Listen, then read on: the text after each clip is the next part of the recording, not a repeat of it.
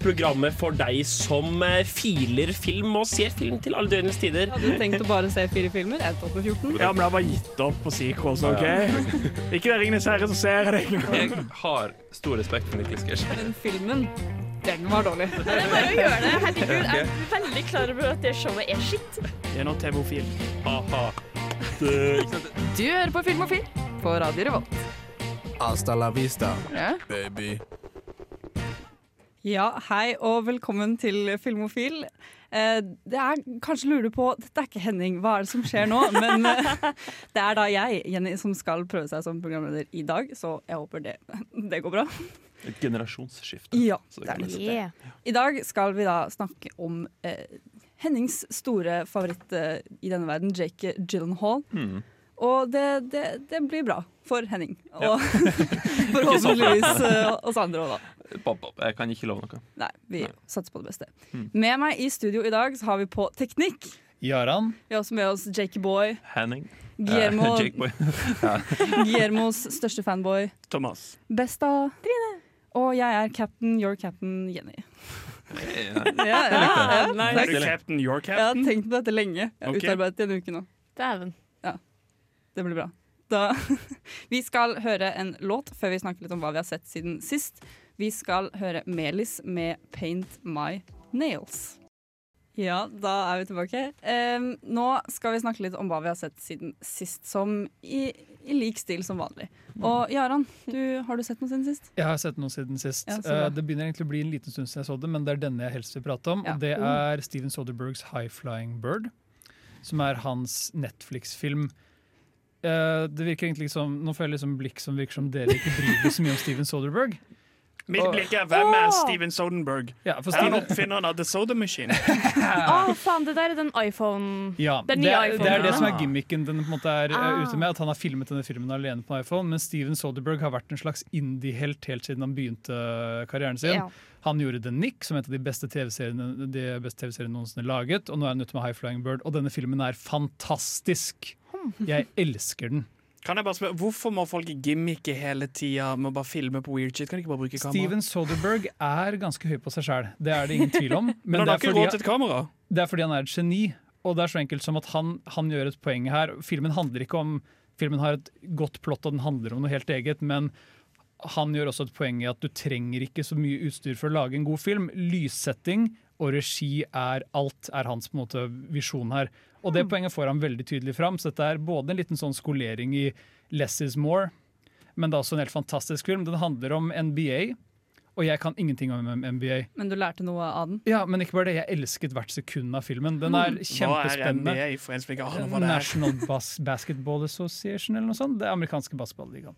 Uh, det handler om at NBA er på det som kalles en lockout, hvor uh, ligaene det spiller rett og slett er avslutta. Altså, det er en slags konflikt mellom spillere og En streik? en streik, rett og slett, ja. Og øh, en øh, manager prøver bare å få spillet i gang igjen, og han er den sleipeste, slikkeste fyren noensinne, og det er en jævlig kul film, rett og slett. Dette, altså, han lagde Oceans-serien, og du merker det. Er det noen uh, mentally handikappa med i denne filmen? Nei, dette er ah. en god basketballfilm. Men Trine. Champions reference. Hva har du sett? Å, det har en, en av mine favoritt-Netflix-ting er endelig tilbake. Queer Eye har kommet med sesong tre, og jeg er så fornøyd! Jeg har sett reklame på toppen av Netflix, og Så- jeg har sagt nei takk. Det går bra. Å, men det, er- det er så fint, det er så koselig. Det er liksom ikke bare vanlig makeover. Det er liksom, De gjør alt. Så det er veldig, det er veldig gøy. De liksom bare, det, det er for å få folk til å føle seg bedre. De pusser opp hjemmet deres hvis det ser helt skittig ut, som enkelte av dem gjør.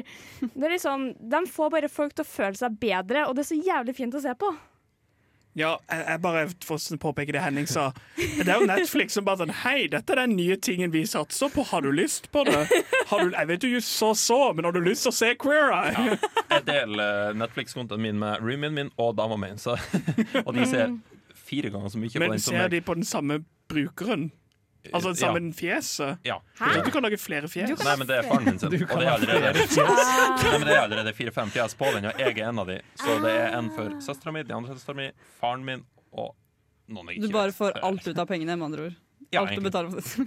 Men for en som er litt sånn Queer Eye fanatic, eh, er det verdt å se? Er den, er den bedre eller dårlig? For det virker som de har flytta. Ja, De har flytta kontor. Er det bedre eller dårligere nå? Eh, Det var litt rart i starten når de ikke var i Atlanta lenger. Men det, det er fortsatt like koselig og har den samme følelsen som de to første sesongene har det. Så Anthony griner like mye som han alltid gjør, og er kjempefornøyd. Så- og finner rare ting i kjøleskapet til folk. Så lenge, ser litt så, skeptisk så lenge Jonathan er der, så er jeg fornøyd. Ja. Han, han er der med veldig rart skjegg og bart. Det tok meg lang tid før jeg, før jeg sa ja til det, men nå sier jeg yes, queen. Ja, det, jeg tror ikke jeg har tenkt å se Queer Eye med det første, Hva men faen, kanskje. kanskje. Men vi skal høre en låt. Vi skal høre Anderson Park, eller Park, eh, med King James.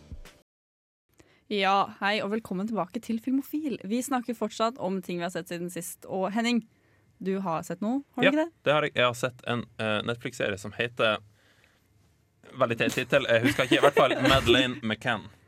Et eller annet før det. The Disappearance Ah, eller ja. The Case of et eller annet Ah, sånt. den var på min topp eh, Netflix. Det, Ja, for i dag. Ja, den er på Ja. alles topp Mm, Netflix. Vær så snill å se ting vi Ja. har laget. uh, liste. Ja Nei, den, Netflix sitt Please se-banner. Det, det det, er det. det er absolutt ja, det, fordi det dukka kun opp Netflix-produksjoner i den fana der. I hvert fall, den, der, og det ser helt forferdelig ut. eh, den er den, den er veldig treg. Jeg, så, jeg, eh, jeg ja. den Ja, jeg, er en serie Ok. på åtte episoder. En time hver. Og så tenkte jeg OK, jeg trodde det var en time lang kortfilm, kortdokumentar. et eller annet sånt. Hvordan i faen skal de ha åtte timer om den saken? Det er ganske straight forward, tenkte jeg. De første tre episodene var litt sånn bla, bla, bla, bla, bla, hvor de bare fortalte alt som skjedde den dagen. Og alt sånt og bla, bla, bla, sånn. Etter hvert så begynner de å ta opp inkompetensen til det portugisiske politiet. Og det still, altså Først eh, fronta det sånn at liksom, det er veldig tydelig at det var de som gjorde det. Foreldrene ikke sant, som drepte dattera si i 2007. eller hva det var. Ja, 2007. Um, men så etter hvert i serien også, så begynner det å dukke opp flere ting. Ikke sant? Eh, at liksom, ja, De naboene der som bodde i nabobygget, de var litt sketchy. De var ant uh, anklaga av politiet, bla, bla, bla. sånn. Men i slutten eh, er de ganske tydelige på at portugisiske politiet dreit seg helt på draget her. Så det bygger de- bygger de- seg opp da, på en måte? Ja, en måte. det er ikke bare den forsvinningen, men det er noe mer enn bare det? Eh, det det- ja, på, ja, på en måte. Ikke, ikke at det er en konspirasjon av det portugisiske politiet, bare at de dreit seg ut, og at de kanskje, uh, i stedet for å utføre en faktisk uh, etterforskning som vil avdekke et sånn eh, barneovergrepsnettverk i Portugal som vil skremme bort turister, så ville de kanskje bare avslutte saken og bare Nei, nei, se, det var bare gærne turister. Nei, gærne turister, nå er de i fengsel. Det går bra. Det går bra. For å redde turismen sin. Det er litt det de, de, de fronter i den serien. Og den er interessant. Det føles som alle true crime-serier nå handler om hvor inkompetente politiet er, egentlig. Ja. Politiet er vanlige folk som oss. Så, Og inkompetente, da. Ja, sorry, altså, men eh, politiet er i Dessverre. Jeg har vært på kino siden sist. Eller ki kino, ja, sier man det kanskje. Kino. Jeg så Captain Marvel. Og Den sukinga, det er sånn man sier rett før dette blir kjempebra, liksom. ja, ja, det, ja, ja. Dette var en film, lover. Men jeg hadde, jeg hadde skikkelig lave forventninger til filmen, men den klarte allikevel å skuffe. Og det syns jeg er litt godt gjort Mm. av en Marvel-film.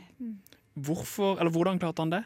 Det var liksom Hvis du ser på Marvel som en enkeltstående Hvis du ser på den som en enkeltstående film, så var den ikke noe spesielt ved den. Det var bare Her er det en superhelt, en kvinnelig superhelt. Å ja, hun skal være skikkelig kul. Hun hadde bare liksom morsomme kommentarer og vitser. Det var det eneste hun sa. Hun hadde ikke noe character development i det hele tatt. Og ja. Det er vel viktig for folk som ikke vet dette, som lever under sted. Captain Marvel er den siste Marvel-filmen, som er den første kvinnelige superhelten, og som er uh, I, Marvel-universet. Marvel. Ja, de er bare veldig på å pushe det. Det er første kvinnelige superhelten noensinne. Hvordan For Wonder Woman skjedde ikke i det hele tatt. er, Men er dette i hvert fall en film altså For det er noen der ute som nå er religiøse fan av dette universet. Ja. Er dette en film som i hvert fall setter opp den neste Avengers-filmen? Uh, Ja, fordi jeg er jo ganske, ganske dypt inni dette fandomet, da, vil jeg si. Det er jo derfor jeg ville se filmen, fordi jeg ville få svar. Jeg ville vite hva som skjedde. Svar! Ja, jeg ville ha svar. Og men du får på en måte Du får på en måte svar. Du får på en måte et lite pust før, før den neste Avengers-filmen.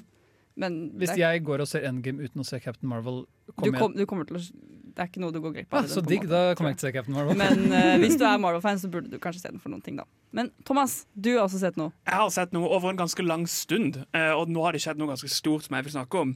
Og det er en online rollespillgruppe som heter Critical Role. Yeah. De har da for først, de har da spilt sammen i snart seks år, sånn tre timer hver torsdag i seks år. Gratis streaming. De har da endelig satsa og vil lage en full animasjonsserie, for dette er jo profesjonelle voice actors. Så de da gikk på Kickstarter og ba da om norske seks millioner kroner. Over 45 dager.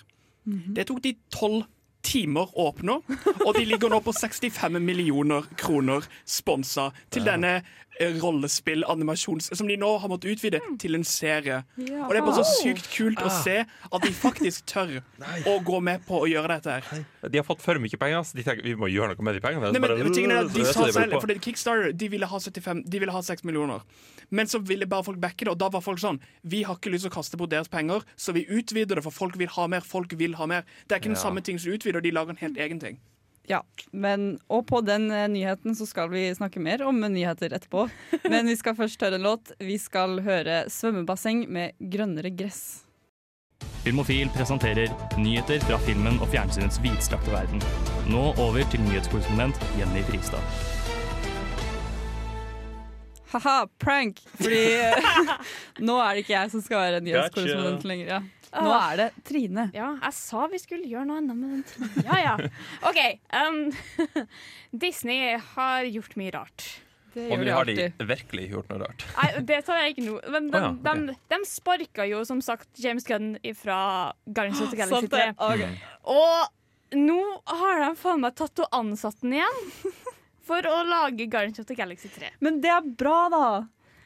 da ja. Sexual harassment vinner Nei, fram. ok, ikke det, da, men Eller hva var det han gjorde? Nei, det var vitser, han. han var. Ja, det var pedofil, pedofilvitser på Twitter.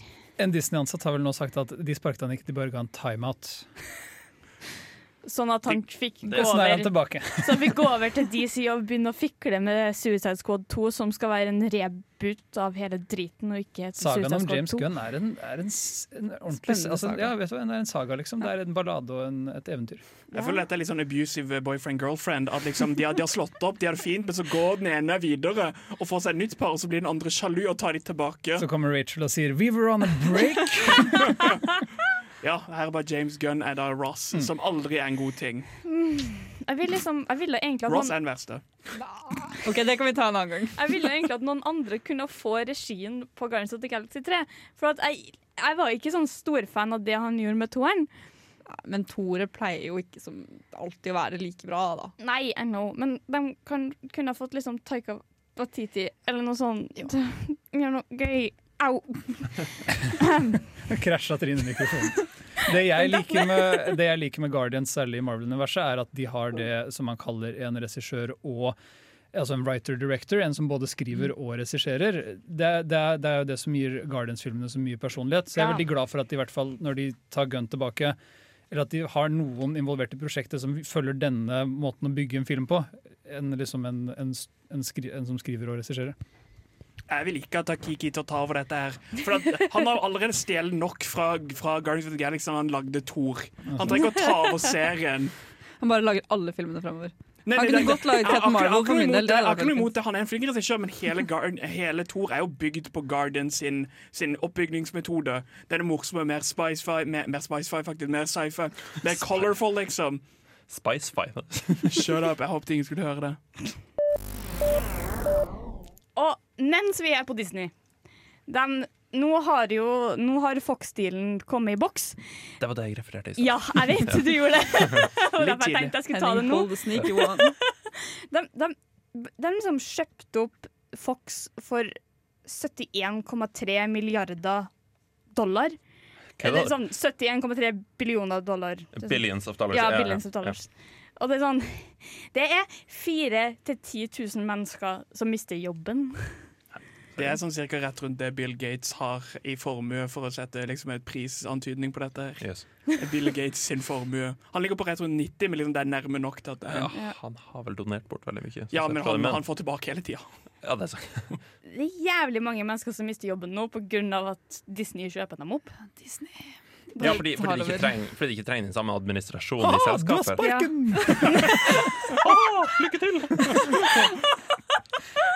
Så det er kaldt ute i vinter! altså, det er liksom, snart nå så kommer jo ikke til å være noe på strømmetjenester noen plass. Men Disney Pluss er heldigvis rett rundt hjørnet, alle sammen. Ja, for de, De har jo redningen. det, det er Men liksom vi har Queer Eye og alle Netflix originals. Det som er rart nå, Simpsons er nå under Disney. Ja, det, det er mye mer. Det er It's Always Sunny Rocky Horror Picture Show er Ja. under Disney, og det er sånn Hva, hva skjer med verden? Hva faen? Jeg er klar for live remake av Rocky. Og vent, det er allerede en live remake. Jeg bare glemmer at de skal lage en live remake av alle Fox sine filmer. Men vi skal høre mer på nyheter etterpå. Men først skal vi høre en låt. Vi skal høre Kongle med God natts søvn.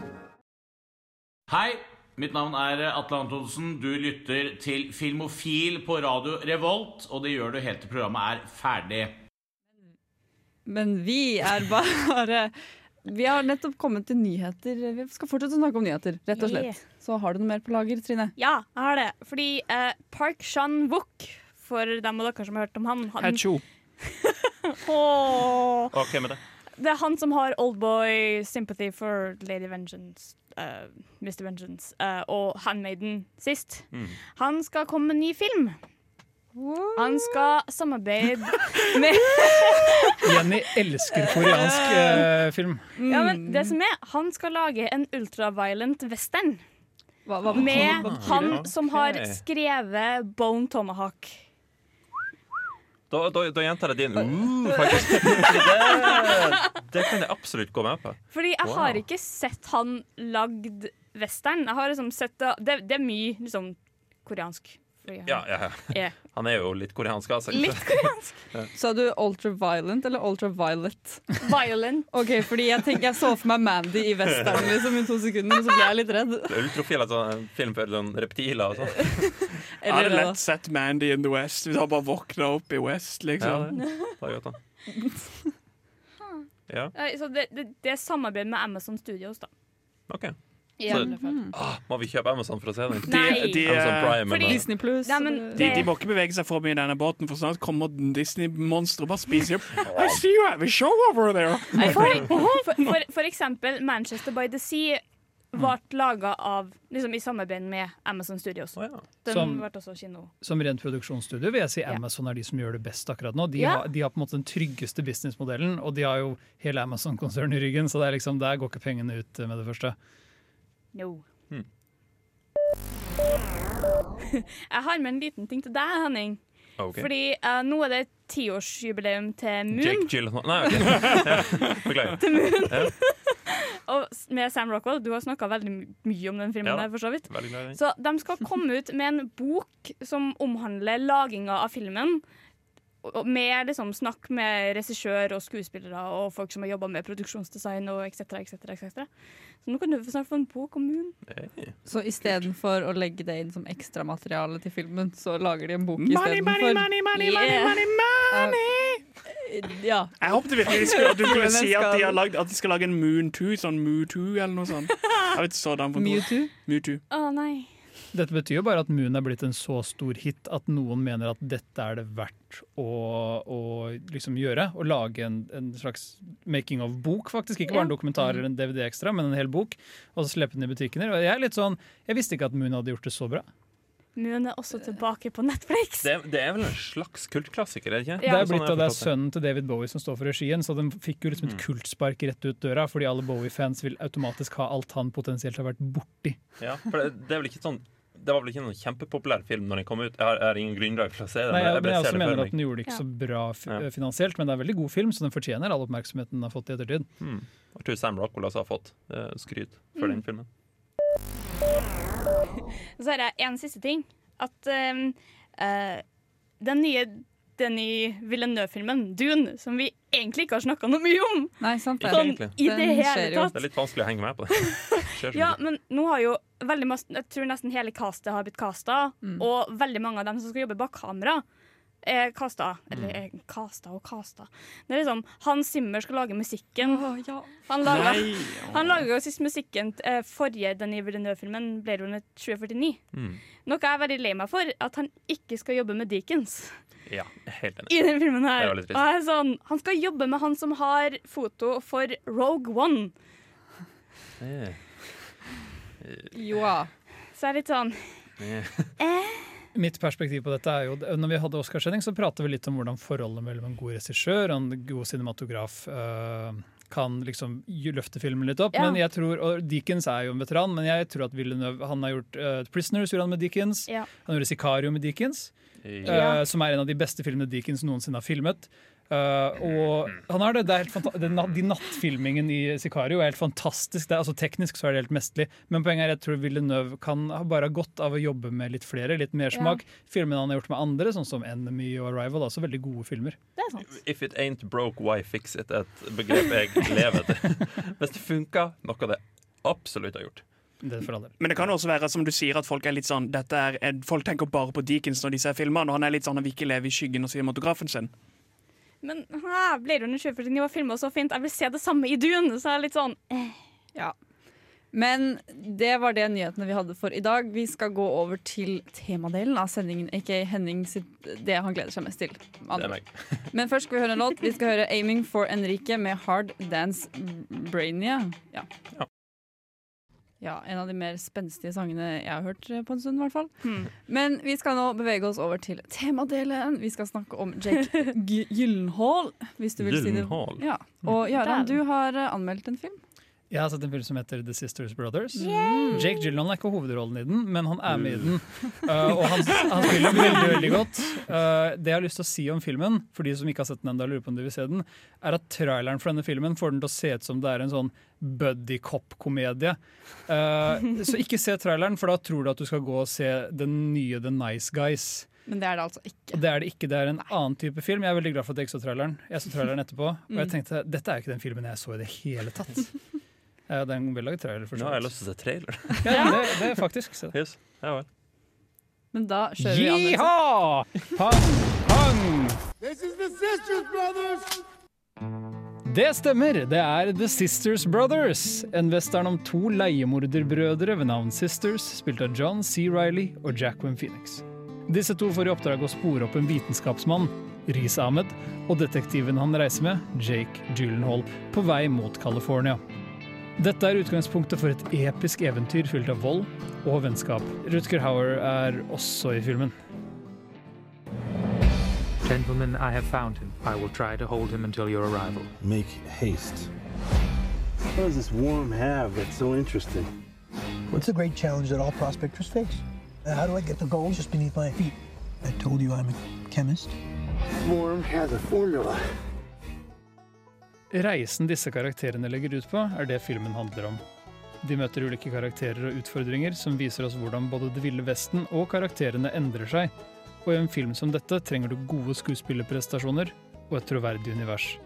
Begge deler leverer filmen med glans. Spesielt Rayleigh og Gyllenhaal lykkes i å bli karakterene sine på en fullstendig transformativ måte. Men Phoenix og Ahmed skinner også i god form. We have enough money to stop for good. Stop what? Killing people. yeah, right. Charlie? Huh? We've had a good long run. We need to get out. We could open the store together. Store? This is nonsense. Dynamikken mellom de to brødrene er filmens hjerte. Og selv om det er få store episke øyeblikk rent visuelt, er filmen fullspekket emosjonelt. Plottet vrir, og det vender seg helt til siste slutt, og nesten hver gang jeg trodde jeg visste hvor filmen var på vei hen, så tok den en ny vending. Alltid på en naturlig og tilfredsstillende måte, som også lar forholdet mellom karakterene utvikle seg. Are you upset? I'm leaving. What's wrong with you? You hit me in public, Charlie. So I slap you, you slap me back. Raven. So go ahead. Hit me. Hit me. Jesus Christ! What is your goddamn problem? Produksjonsdesignet til filmen kan heller ikke få nok skryt. Og takket være dette føler du deg nesten øyeblikkelig transportert til en annen tid. Fra urørt natur til store og små byer er det alltid en levende og organisk verden. Så da er det bare å nyte eventyret. Regien til franske Jacques Adard er også god. Som i hans tidligere filmer vet han hva han bør vise, og når det er bedre å la fantasien ta litt overhånd. Og resultatet er en film som klarer å holde oppmerksomheten din helt til siste sekund av den overraskende hjertevarme avslutningen. I en æra hvor westernfilmer enten er gritty action eller laget av Quentin Tarantino, så er The Sisters Brothers et eksempel på både stil og substans sjangeren desperat trenger, og jeg anbefaler den varmt. We're the Sisters Brothers. We're good at what we do. Ja. Det er første gang jeg og Jaran prøver oss på noe annet enn å snakke på radio, bare så det er sagt. Så det, det går som det går. Komedisk effekt, kaller vi det. Ja. Men det var jo, fra traileren som det virket her, det virket jo som en litt komedie, men den står jo oppført som drama slash krimfilm når du søker den opp. Ja. eh, den, jeg vil kalle det et episk eventyr.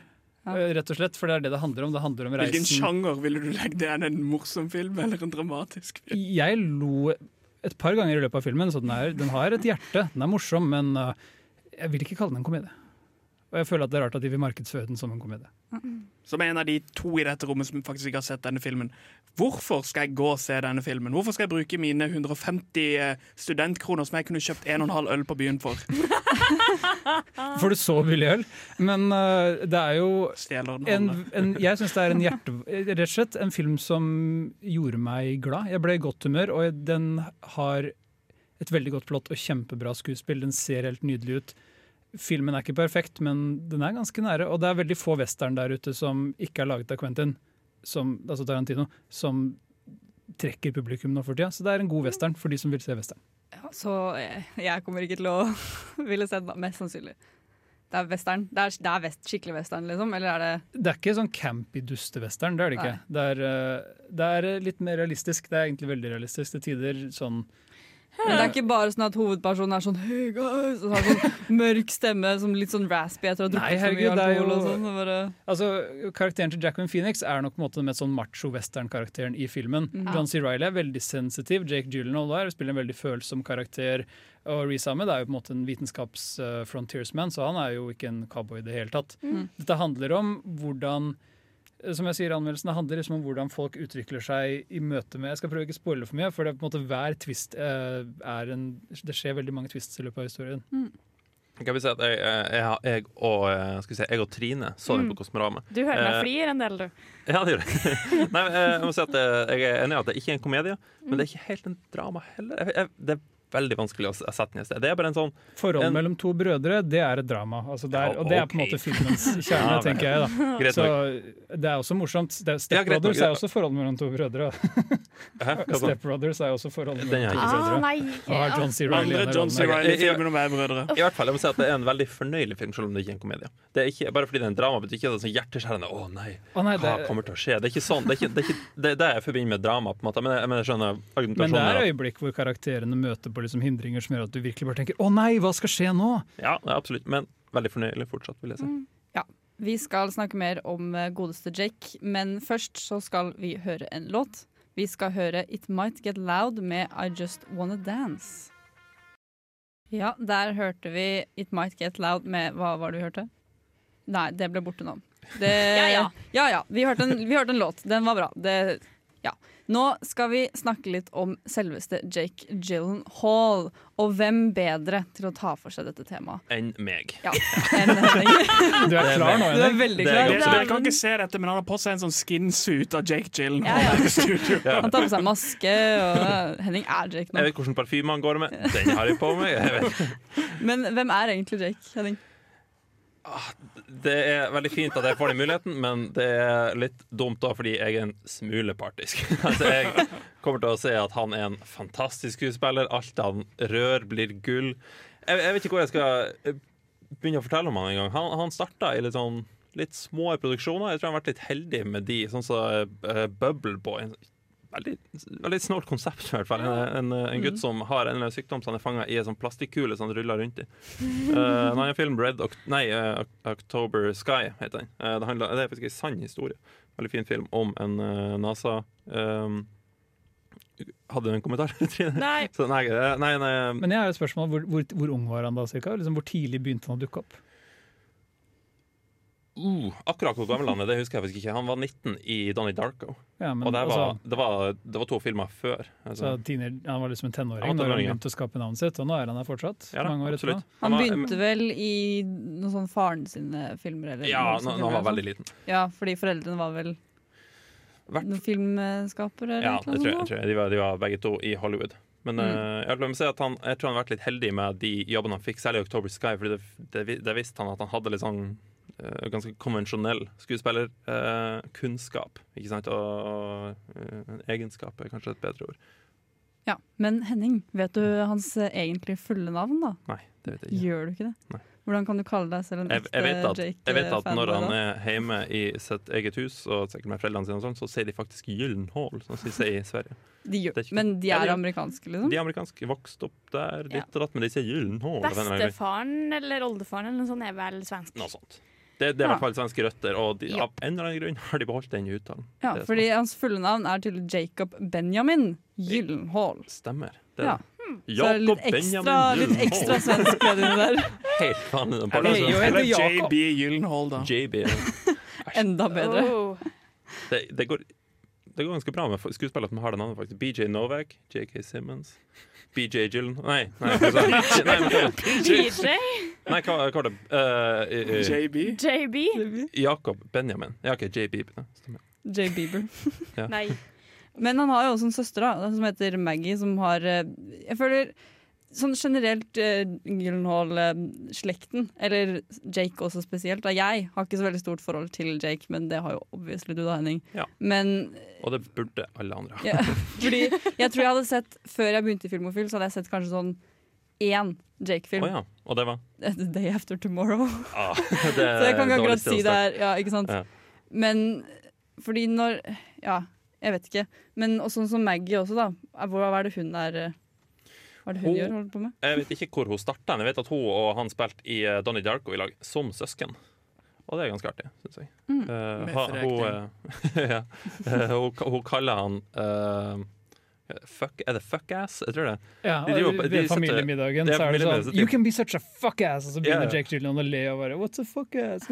Ja, de har, de har sånn utveksling av banneord, og det føles faktisk litt ekte eller merkelig når det er sånn 19 år gamle søsken som sitter foran middagsbordet. Uh, jeg tror også hun sier til slutt 'go suck a fuck'. Ja, og så sier, så sier han 'how exactly does one suck a fuck'. En veldig bra film. Uh, Maggie Gyllenhaal har ikke gjort det like bra som han, dessverre. Ja. Noen en kompetent skuespiller òg. Kindergarten teacher. Hør Kosmorama-sendingen for det. Men vi skal snakke mer om Jake. Men først skal vi høre Holerado med One Last Time. Ja, vi, øh, vi skal fortsette å snakke om Jake. Og vi var så vidt inne på det, men det er litt mer filmer som fikk folk til å legge merke til at Jake var en skuespiller, da. Og Henning, vil du fortsette på tråden du var på? Ja, som sagt da fikk eh, han på en måte bevisst at han var en kompetent, eh, konvensjonell skuespiller, men så starta litt sånn mer snåle og litt store filmer. Eh, det er egentlig to eksempler på det. det er bare to filmer jeg tenkte å ta før meg. Det er Donnie Darko, som jeg så vidt snakka om, og uh, The Day After Tomorrow. The Day After Tomorrow var en enorm produksjon når den kom ut. Uh, og det, det viser noe om tilliten uh, produsentene hadde til han da på den tida. Allerede så tidlig i karrieren hans. Det som er gøy å nevne, her er jo at Donnie Darko var en indie-produksjon. Ja. Det var en liten produksjon hvor noen bare Ja, vi hyrer han Gyllenhaal-kiden, han er sikkert billig. Eller altså, de hadde, han hadde sikkert en audition, men han har en søster som også spiller. Ja, men samtidig så er det den derre, eh, som du sier, Day After Tomorrow, som bare Når de kommer nesten back to back, og Day After Tomorrow er en stor eh, Jerry Ja, Bruckheimer og enorm. hva heter han regissøren? Uh, Roland Emmerich-film. Altså masse penger bak disse filmene. Så det er to veldig forskjellige på en måte, kontraster sånn industrimessig hvor han var i karrieren sin. da. Ja, jeg vil bare stille dere da spørsmålet. Hva legger dere i konvensjon konvensjonell skuespiller? Hvordan Det er bare- det er bare at han, han kan å spille, at han liksom Han er ikke dårlig, men det er ingenting som tilsier at han er liksom vår generasjons største okay, så du sier at Harrison Ford til- er en konvensjonell skuespiller. Så, så fram til disse to filmer så hadde han bare på bevist at han var et kompetent skuespiller. På en måte. Det er her han slår seg litt ut. Altså, altså Hvis du ikke en, en altså, Hvis du ikke har skuespillerkunnskaper, så er det ingen som har lyst til å ansette til noe. Ikke sant? Men du må, du må bevise det først, og så kan du begynne å utbrede deg da, og utforme en stil. Og det er det jeg føler han har gjort. En sammenligning til konvensjonelle skuespill vil kanskje være Daniel Radcliffe. Han skuespiller helt OK, men som du har prata om før, så husker folk han mest som Harry Potter, og sånn er egentlig bare livet hans. Men der var du med at han ble typecasta som én karakter. Ja, men han er fortsatt, vi prater ikke om Daniel Radcliffe. Det er ikke typecast-sending. Men hvordan var det han endte opp med å slå seg ut i Donnie Darko, vil dere si? Det vet jeg ikke nok til å si noe om, men jeg, jeg tror det var litt det Jaran var inne på. At uh, de trengte bare noen, og de hadde en kul idé til en snål film og tenkte vet du hva, vi trenger to søsken. De her to. Han har visst at han er en kompetent skuespiller. Uh, Maggie hadde sikkert også visst det på en eller annen måte, det vet jeg ikke. Men vet du hva, vi tar de to. Og det funka jo dritbra. Filmen heter Donnie Darko, og han spiller tittelkarakteren Donald Donnie Darko. Mm. jeg vet ikke hva han heter Donald. Men eh, det er jo, filmen handler om han, så han er, han er i fokus nesten hele tiden av filmen. Det er masse close-ups av Jake, det er hans reaksjoner til hendelsene som driver plottet fremover. Altså, han bærer ikke filmen alene, men det er han som er i fokus. ikke sant? Og det, det, Da skiller du deg mer ut enn hvis du er i en Roland Emrik-film hvor spesialeffektene er mm, altså stjernen. Stjerner. Ja. Det hjelper jo også ikke at han er en eh, sexy dude å se på. Han er ikke så sexy ikke i sexy. Donnie Darko. Han er litt sånn Nei, han er sånn twink, sånn eh, eh, Han ble ikke sexy før litt senere, det skal vi prate om ja. Han var sexy alltid. Det kommer vi absolutt tilbake til. han Om vi gjør det. Nei, en ting jeg må si om Donnie Darko, er at han visste at han kunne spille en gærning. En, en fullstendig ko-ko mann. Og det er det som virkelig viser seg i den senere karrieren. Det er det han absolutt får til, i tillegg til at han er en eh, rimelig sexy mann. Det er jo en veldig ukonvensjonell rolle. Ja, og uh, en siste ting, bare for å sette litt sløyfe på det jeg starta med, det med uh, The Day After Tomorrow. Mm. Eh, det eneste poenget jeg hadde med det, var det her med at, eh, at studioene hadde tillit til han, ikke sant? Mm. Så han, han fikk, han fikk spikra to ting. Og det er det jeg mener med liksom, at han var veldig heldig med de første filmene sine. Kunne han forklart meg hva både The Day After Tomorrow og Donnie Darko handler om? Det Vi kan ta det veldig fort. Donnie Darko er en liten indie-film om en ung gutt som får beskjed om at jorda snart skal gå under. Av en, en marerittskapning. Mens The Day After Tomorrow er en diger spesialeffekt fylt eh, sånn Roland Emmerich, altså type Independence Day-aktig film. ikke sant? En diger blockbuster som bare handler om at nå har klimaendringene fucka opp eh, Nå fryser jorda rett og slett over, over, over natta. Ja.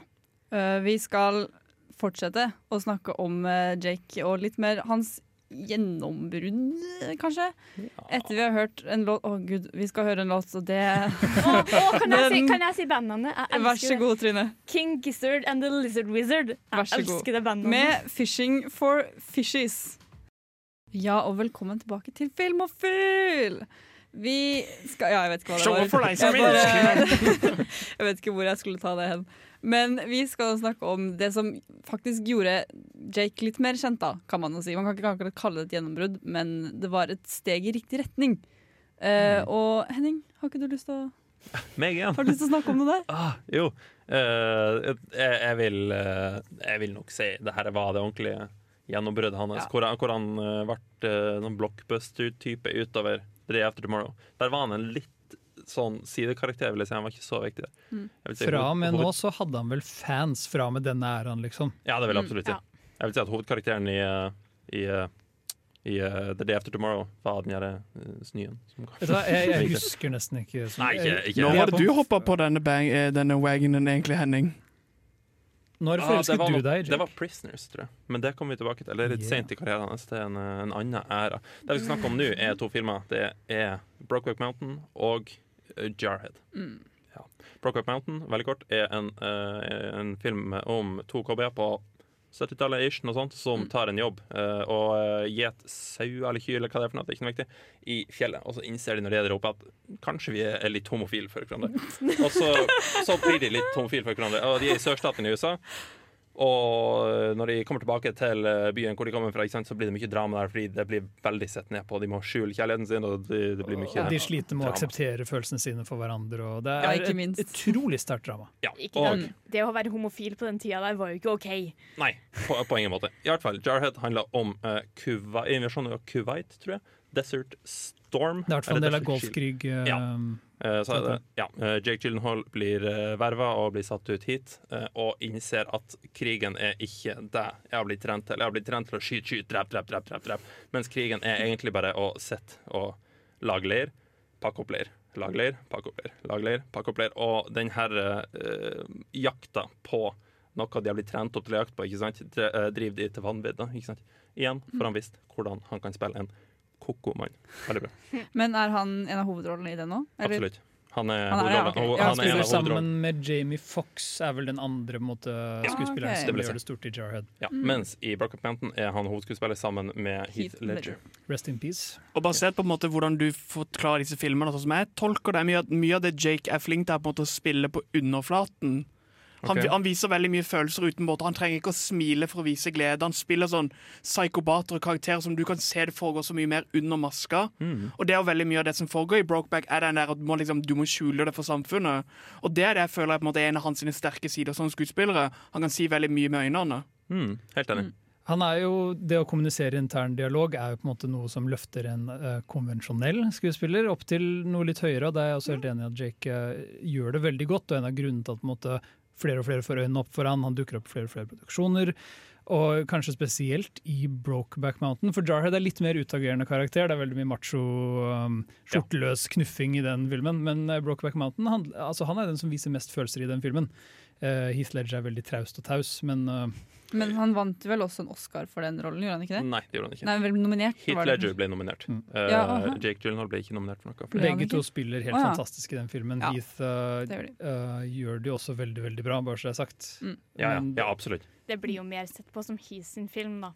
Ja, men han spiller, de spiller jo av hverandre, og yeah. det er jo et parforhold mellom disse to. De er litt fra hverandre, og kommer tilbake. Jake er mye mer følsom utad enn Heath Ledger uh, i den filmen. Ja, når jeg tenker på det, så kanskje Jake Gyllenhaal er mindre hovedkarakter enn Ja, Heath Ledger er nok hovedkarakteren i Brokeback Mountain, mens han er en bikarakter fordi filmen følger Heath Ledger når de to ikke er i lag. Ja, men en veldig bra film er det i hvert fall. Begge to, absolutt. Ja, Vi skal snakke mer, men først skal vi høre en låt. Uh, Team Me med Blurry Precise. Ja ja, vi fortsetter. Og nå skal vi gjøre noe litt, eh, litt annerledes, kan man nok si. Ja. Fordi det er en periode i eh, Jake Gyllenhaals karriere hvor han hadde et litt sånn tomrom, da, kan man si. Eller han gjorde ikke, så, han gjorde ikke stort. Ja, for Han var ganske aktiv, og så plutselig er det bare sånn én film annethvert år en liten periode. Ja, så vi Han har tenkte to filmer i 2010, da, i alle fall. Ja, ja. Det er Prince of Persia og Love and Other Drugs, da, så det er ikke den beste filmen i verden. Da Men hadde det viser bare at han trengte penger i den tida. Ja, Kom litt ut av skakskjulet sitt, tok noen store, store lette filmer og Ja, og ble borte igjen Ja. før 2012. Ja, så det vi har tenkt å gjøre nå er at Trine hun sitter på fasiten over hva Jake faktisk gjorde i denne tiden. Og vi andre skal da prøve å gjette hva han gjorde. Og det kan bli litt interessant med tanke på hva, hvem vi har i studio. Og Prøver du å hinte til noe? Nei da, Prøver du å hinte til noe? Thomas, Kanskje har du lyst til å starte, eller? OK, du skjønner. Hva er det du får når du puler fisk? Nei, bare tuller.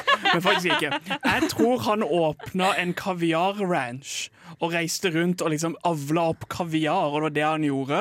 Etter at liksom han hadde bodd eh, liksom hadde gjort, ja, Det er jo det du gjør, du har en kaviarbank. så Det er jo en egen jobb. der du reiser Jeg tror han ble en partner i en av disse firmsene og brukte tida si på liksom ranchet siden han hadde jo Brokeback Mountain. Og var sånn, Nå vil jeg liksom føle på den isolasjonen, ensomheten. Så tror jeg han ble en kaviar-wrangler. Method acting. Ja. Bare etter filmen kom ut. vent, ja, men jeg tror han bare fant det rette. Bare, vet du hva, Det som er fint for meg, er å være alene med menn eh, liksom, litt sånn forlatte steder. Jeg vet ikke om du er det når du, når du driver med kaviar, men i mitt hode så er du det, for du er weird fuck, for du driver med kaviar. OK, det var, det var Thomas. Ikke det jeg sa i starten, men de typer vi har i studio. Jaran, har du eh, en idé? Kan Jeg- være verre enn min? Eh, Jeg skal prøve å være litt mer grounded, for jeg er genuint nysgjerrig på hva Jake gjorde. Og så er det Prøver du å si at min ikke var sannsynlig? Jeg har aldri hørt om en kaviarrange før, men kanskje dette er en industri som jeg bare helt sånn oppdrettskaviar, og at jeg ikke har hørt om det. Men jeg tenker det ligger noen hint her. Han gjorde ikke så mange filmer, men han gjorde noen, så han gikk ikke off the grid. Og 2010 viser at han var helt åpenbart blakk fordi han gjorde en romantisk komedie og en videospilladaptasjonfilm. Lette, raske penger. Så jeg tror Jake Gyllenhaal uh, hadde veldig mye cash. Anno 2006, 2007, 2008, 2009. Og disse brukte han nok på noe. Og Det er dårligere å spekulere for mye, for han blir veldig tabloid, men jeg tror eh, en yacht er involvert i bildet. Jeg tror store mengder eh, dop, prostituerte og antagelig våpensmugling. Jeg tror han smuglet våpen, og så tror jeg det gikk galt. eh, rundt eh, 2000. Nå har jeg funnet at kaviar-ranching er en ting. Thomas Gulli har fått eh, produsenten vår å sjekke det. Ja. Ja, jeg, jeg tar det en litt annen retning. Jeg, jeg vil si at Jake han bare, han bare chilla maks. Fordi han, Nå gjorde han litt sånn noen store filmer, så han tok seg, han tok seg en lur. Han, han gikk i dvale. Han bare la seg i sofaen, så på Reddit eh, hver dag og kanskje prøvde å finne den nye No Sleep-filmen å lage. À la bare- Ryan Reynolds. Ja, nettopp. Jeg tror, jeg tror det var det. Han bare chilla maks. Jeg tror egentlig han var Ryan Reynolds i det samme person. Han gjorde ingenting spesielt. Det, Ryan Reynolds er mye mer aktiv i rundt 2009. oh shit! Jeg har en teori om at han rett og slett trakk seg tilbake og innså at Vet du hva, Nå har jeg en mulighet ikke så mange har. Jeg har masse masse penger. Jeg er i starten av 20-årene. Og jeg har et rykte om at jeg er homofil som jeg må ha fame med en gang.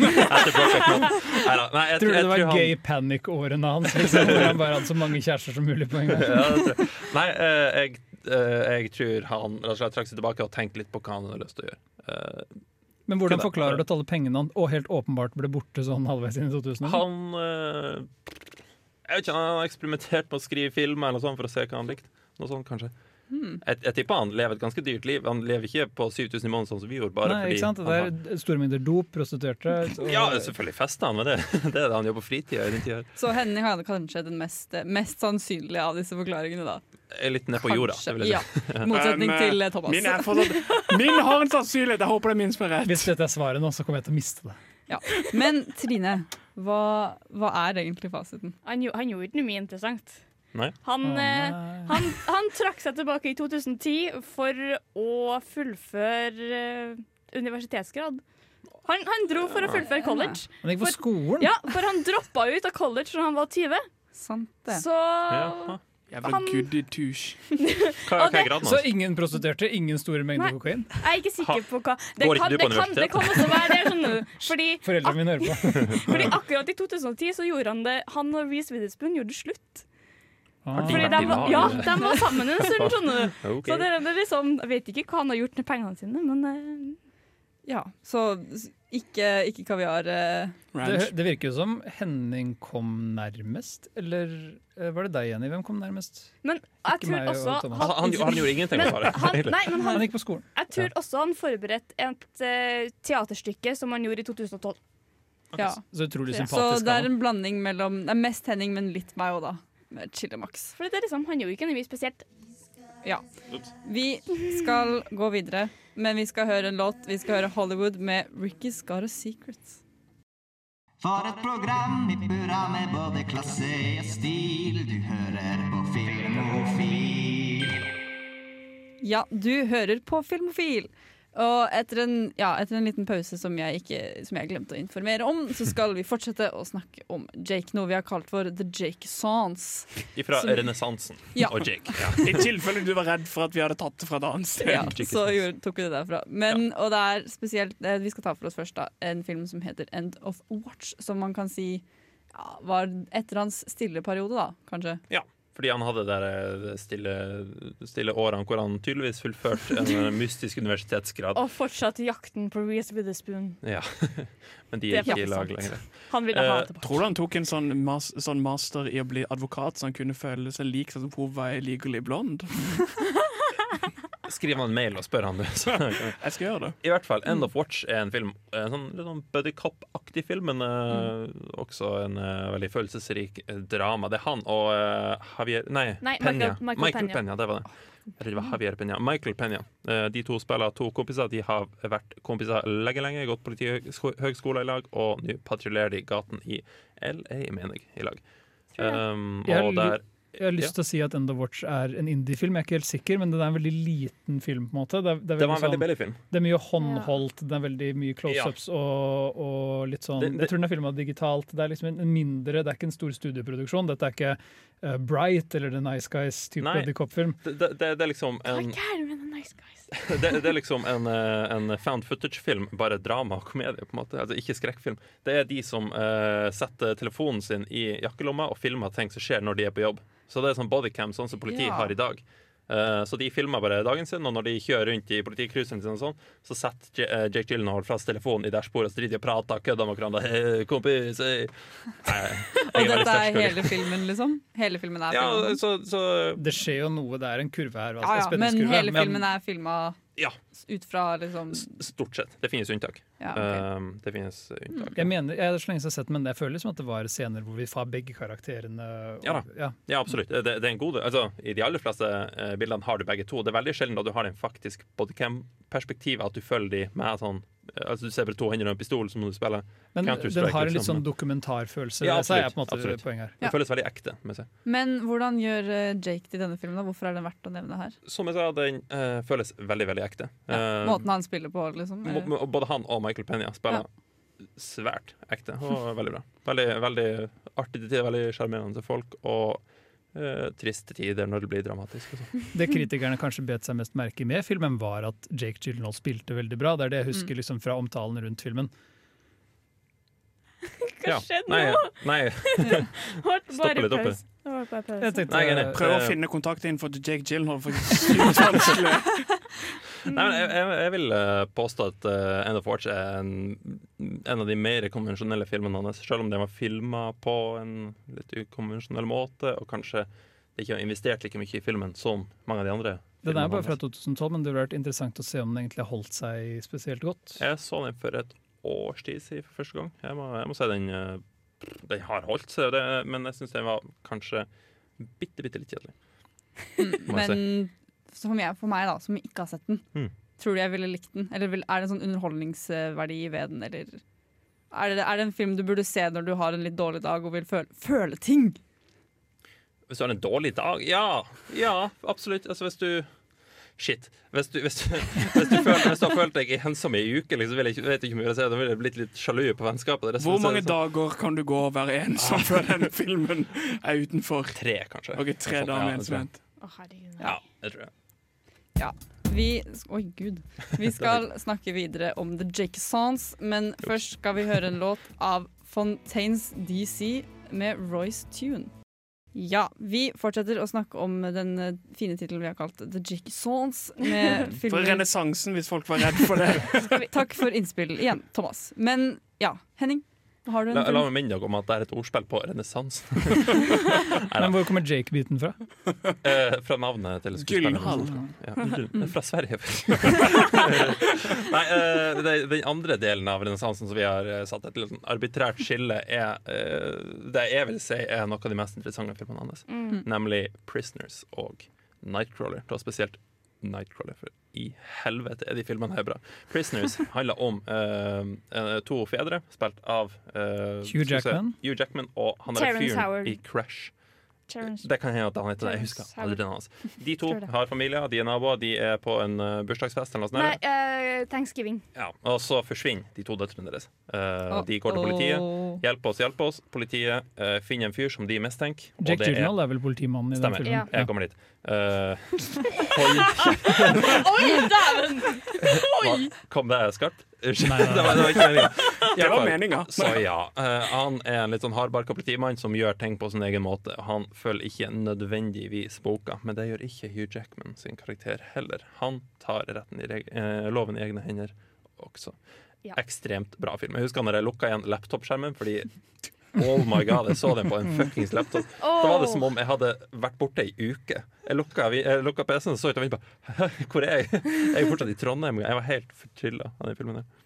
Vi nevnte jo 'Prisoners' tidligere, fordi det er Denis Villeneuve og Richard Mm. Dickens som eh, Ja. sto bak uh, laging av filmen. Roger Dickens, Ja. sorry. Uh, som var ansvarlig for å lage filmen. Så litt throwback til tidligere i sendinga. Takk for meg. Mens Nightcrawler er en film om Ja. en mann som altså Jake Gyllenhaal som finner ut at han kan tjene veldig mye, veldig mye penger på å kjøre rundt på natta og filme sånn, bilulykker, drap, sånne ting i en litt sånn forstyrra by. Han selger dette til morgennyhetene på forskjellige lokale radio- øh, TV-stasjoner. Og han innser eh, hva om jeg bare kutter bremser på noen biler som bor på toppen av den bakken her, og så går jeg og filmer de når de krasjer ned i stolpen Ja, ja. nede i bakken? Totalt greit. Money, money, money. Ikke sant? Og han tar det lengre og lengre og lengre. og lengre Mm. Igjen, for han visste at han kan spille en gærning. Det er liksom alltid liksom, Når Jacobson starter, så er Jake Gyllenhaal jævlig Han er jævlig fin å se på. Han er jævlig Absolutt. sexy, liksom. Ja. Og med en gang jeg så Nightcrawler, så er det sånn Nei, vet, nei, vet du hva? Du, du, hold deg Hold deg det fuck unna meg, for det er dritcreepy! Ja, for jeg starta det, uh, Nightcrawler var den første ordentlige filmen med Jake jeg så. Det var liksom der jeg starta, og et Brokeback Mountain var ikke det samme for meg. Nei, Nei! det tror jeg på. Jeg vil jo si at kanskje Nightcrawler er, For Det har vært mange filmer som har fått manges mange øyne opp for Jake Gyllenhaal, men jeg vil jo si at det var kanskje den filmen som sånn endelig sparka ut den ballen som var Ja. at han er en talentfull skuespiller. Det var på en måte det siste strået som trengtes for å virkelig overbevise alle. Mange mente vel at han ble snubba for Oscaren det året. Ja. Eh, Jeg tror det var ganske mye En del av det liksom Oscar Bøsse var at han ble snubba. Mm. De hardeste fansene vil også si at eh, han ble snubba for uh, Stronger, en film som kom ut i 2017. Eh, at han burde fått en Oscar for det. Han spiller en fyr som overlevde uh, ja, Boston-bombing, er det ikke det? Ja, Boston City Bombing. Det var det. Men den har jeg ikke sett, så det kan jeg ikke uttale meg Har du ikke sett en film av Jake? Å, herlighet. Og der er jo virkelig det vi har snakket om tidligere, med hans sitt virkelig talent for å si så mye med øynene og bare med kroppsspråket. Yep. Mm. For det er, det er liksom noe, Hvis man skal både sette fingeren på hans skuespill, i i min bok, så er det den der å kunne spille med ikke måtte vise så mye med følelser. Mm. Og liksom spille det så mye videre. Det er på en måte hans sin fat acting, da. Christopher Bale. Christopher, Chris, Christopher Bale. Christopher Bale. Christopher Robin. Men han er også veldig flaks med at han spiller i veldig gode produksjoner og med veldig kompetente folk. Det, det skal sies. Hvis du har et eksempel, hvis du har lyst på et eksempel på en film hvor han uh, spiller med kroppen, er den, Our Prisoners, hvor han, han, uh, hvor han eh, arresterer han fyren i det huset. Se filmen, så vet du hva jeg mener. Det skal vi gjøre, Henning. Ja. Men først skal vi høre en låt. Vi skal høre 'Evigheten' med 'Ikke alene'. Ja, vi er snart ved veis ende her i Filmofil, men først så Dere trodde kanskje vi hadde glemt det, men ukas hjemmelekse kommer snikende opp på dere allikevel. Helt til sist. Ja, for uh, ukas hjemmelekse var da Velvet Buzzsaw, som er, ligger på Netflix, så det er ingen unnskyldning til å ikke ha sett den nå. Jeg orka ikke. Jeg så på Twin Peaks i stedet for. Ja, det er jo lettere. Selvfølgelig. Men hva er det denne filmen handler om, da? Kan vi vel først uh... Jo. Uh, Velvet Bus så handler om uh, Jack Dylan er en veldig, veldig, veldig uh, influensfull kunstkritiker. Så Mm. alt han sier, uh, skjer. på en måte Hvis han sier at ei utstilling er bra, så altså, fer alle dit. Mm. Uh, så det er liksom investorer sånn så følger han og prøver å bli venner med han for å, for å bruke den her, eh, den her eh, krafta han har over markedet. Um, noen uh, som jobba for ei venninne av han, oppdaga at naboen uh, i etasjen over dør, uh, og etterlater seg en hel sinnssyk haug av malerier, som er bare magiske. Altså, de, de er kanskje verdens beste maleri for seg sjøl, men det er bokstavelig talt hundrevis av dem. Uh, men uh, det viser at det er noe galt med de her bildene, og det, det påvirker folk på en måte som ikke er helt bra. Kanskje de fanger eh, beskueren litt for godt, kanskje. Og sånn skal sies at det er denne kunsten han eh, er kritiker for. Det er veldig pretensiøst, og det er så, det er så kunstfolk Ja, ja, at det er helt sjukt. Ja. Filmen er jo på en måte en satire, så Ja, det er det jo. alle, eller nesten alle spiller veldig sånn opphøyde karakterer. De er litt, nesten litt sånn tegneserieaktige. Og navnene deres, hva er det han heter? Morph? Morph eller noe? Vandervolt. Don, Don og sånn. Ja, stemmer. Jeg skjønner bare ikke når dere ikke er en del av kunstverdenen selv. Det høres ut som en blanding mellom Mork og en eller annen person fra Gossip Girl, egentlig. Hvem er Mork? Han kunne, Mork og Mindy. Det er Robbie Williams. han kunne nesten vært en litt sånn, en sånn rar sidekarakter som dukker opp i Gossip Girl, fordi han spiller en sånn han er, han er homofil, eller biseksuell, er vel riktig å si, for han har en kjæreste en del av filmen, og en mannlig kjæreste en del av filmen. Så han, han, han er veldig sånn dramatisk og Mm. eh, veldig mye håndgestikulering. Og, Flamboyant, Ja, rett og slett flamboyant. Det er bra Mm. ord. Hvor, hva, hvor har du det fra? Meg selv. Du har det ikke fra Queer Eh? Nei. Flamboyant? Nei. Nei, nei. Shut up, mom! Men tilbake til filmen, da, kanskje. Fordi dette er jo noe Ja, dette er noe av det nyeste han har gjort. Ja, Og- det er vel det nyeste han har Ja, gjort. jeg tar tror helt feil. Tror det. Mm. Men hva sier egentlig det oss? For nå begynner han å gå han har siste han gjorde, var jo det store, var vel det vi snakket om med Jake Sons, og nå begynner han med dette her. Jeg skal bare kutte veldig fort inn og si vi prata om Nightcrawler i stad. Og så Mm. var det sånn, ah shit, det hvorfor har vi ikke sagt dette? Samme regissør som gjorde Nightcrawler, gjorde Det det. Velvet Buzzsaw. Yep. Og det er en veldig distinktiv stil på filmene. Og dette er en veldig sånn liksom, Den drypper, den oser stil, denne Velvet Buzzsaw-filmen. Og han får gode prestasjoner ut av Jake, da, åpenbart, for det er andre filmen de gjør sammen. Mm. Jeg tror han begynner å pike. Når han begynner å skal spille i Marvel-filmer, da Ja, det er det altså. litt Da kan du gå og dø! Han, OK, OK, ok, jeg er litt vel lei av Marvel, ok? han, men han skal spille Mysterio i den nye Spiderman-filmen, som er Spiderman Far From Home. For de som ikke vet, så er det mannen med glassbolle til hodet. Ja. Tror ikke det blir så bra. Jeg tror dette her Marvel har blitt en ny Harry Potter for britiske skuespillere. Jeg tror du ikke kan kalle deg selv en skuespiller av renounce uten å ha vært med i minst én eller åtte Marvel-filmer. Du må ha en eller annen form for cameo for at jeg gidder å deale med det. Kan, kan jeg få nevne at uh, J.K. Simmons og uh, Willem Defoe har også spilt i rimelig teite Marvel-filmer. Men nå skal det sies at det var da Marvel ikke var kjedelig og har holdt på så lenge. De spilte i de første Spiderman-filmene, for så vidt. Ja, var de Det bra? var- det- Jo, det var den de første Spiderman-filmen og den andre Spiderman-filmen er kjempebra. Den andre Spiderman-filmen er faktisk et mesterstykke. Så- altså Uronisk. den er fantastisk. Det var, det var før folk var lei av superheltfilmer. Nå er folk lei av superheltfilmer. Skuespillere Ikke går dit for å dø. De går ikke dit for å dø, men jeg, jeg tror problemet er Jeg tror frykten vår kanskje ligger hvis jeg skal få lov å tolke rommet, er at Jake har ikke bevist seg å gjøre gode ting når han går mainstream. Når han gjør Prince of Persia, når han gjør storsatsinger som skal være stereotypiske, så han en den som skyter skyte seg selv i leggen med en hagle. Han kom seg igjen etter Prince of Persia. For han, tok en utdannelse, han, han, må, han måtte ta sånn teologiutdannelse for å innse hva som var galt. Han tok sånn der eh, gender studies. Det som er betryggende, her er at han skal spille skurken, eller tilsynelatende en eller annen litt sånn moralsk gråsonekarakter, Ja. eh, kjent for å være skurk. Så Michael Keaton gjorde noe artig med sin skurk i forrige Spiderman-film, og det er, det er ofte mindre roller hvor du får mulighet til å leke deg litt med karakteren. Så dette betyr ikke at Jake Gyllenhaal er død, men jeg tror ikke han kommer til å levere sitt livsrolle som Mysterio i Spiderman. Uh, hva heter den? Home, Homecoming 2? Far From Far from Home. home. Jinx, jo. Far from home. Hvem hvem er det som skylder hvem en cola? Alle skylder en cola. nå. Vi må, vi må bare møtes for å drikke cola. Ja, vi drikker cola mens dere får høre en låt. Vi skal høre Anna Kajander med 'Idioti'. Ja, der, der hørte vi en låt. Det Ja. Ja. Tru det eller ei, så var det Vampire Weekend. Men ja, vi i Filmofil vi er snart ved veis ende. Men jeg må si at etter denne sendingen med bare masse gushing om Jake Jeg må si jeg er, jeg er litt overbevist til å se flere filmer om Jake. Ja, Det det er bra. det For hvor mange har du sett så langt? Jeg har sett fire, tror Ja. jeg, med, som, han- som han er med i. ok. Ja, men da. Henning, som Jake sin største fan, er det en film du anbefaler? liksom? Ja, aller mest, liksom, så ha, Det er litt vanskelig. Jeg må nesten si Prisoners. Det må jeg si. Var det der du starta, liksom? Ja, det var det for meg. Og igjen, jeg kan gjenta litt det jeg prøvde, eh, begynte å si i stad. Det var at eh, det er en scene hvor han arresterer en mann. Den finner du på YouTube. Bare du ser den Faen, så godt han spiller. Men igjen, eh, litt grunn til at det er så bra òg, er fordi den personen han arresterer, også spiller ekstremt bra. Sant. Liksom, problemet mitt når det kommer til skuespillere, er at jeg velger veldig sjelden film basert på skuespillere. Eh, fordi at jeg føler ikke skuespill Jeg føler at skuespillere er litt sånn Det er bare brikker som blir flytta rundt av regissører og alle andre. Hvis du skulle solgt Jake inn til meg, hva er liksom grunnen til at jeg burde få nesa mi opp hver gang han dukker opp i en film? Fordi han veldig, veldig, veldig sjeldent velger dårlige produksjoner.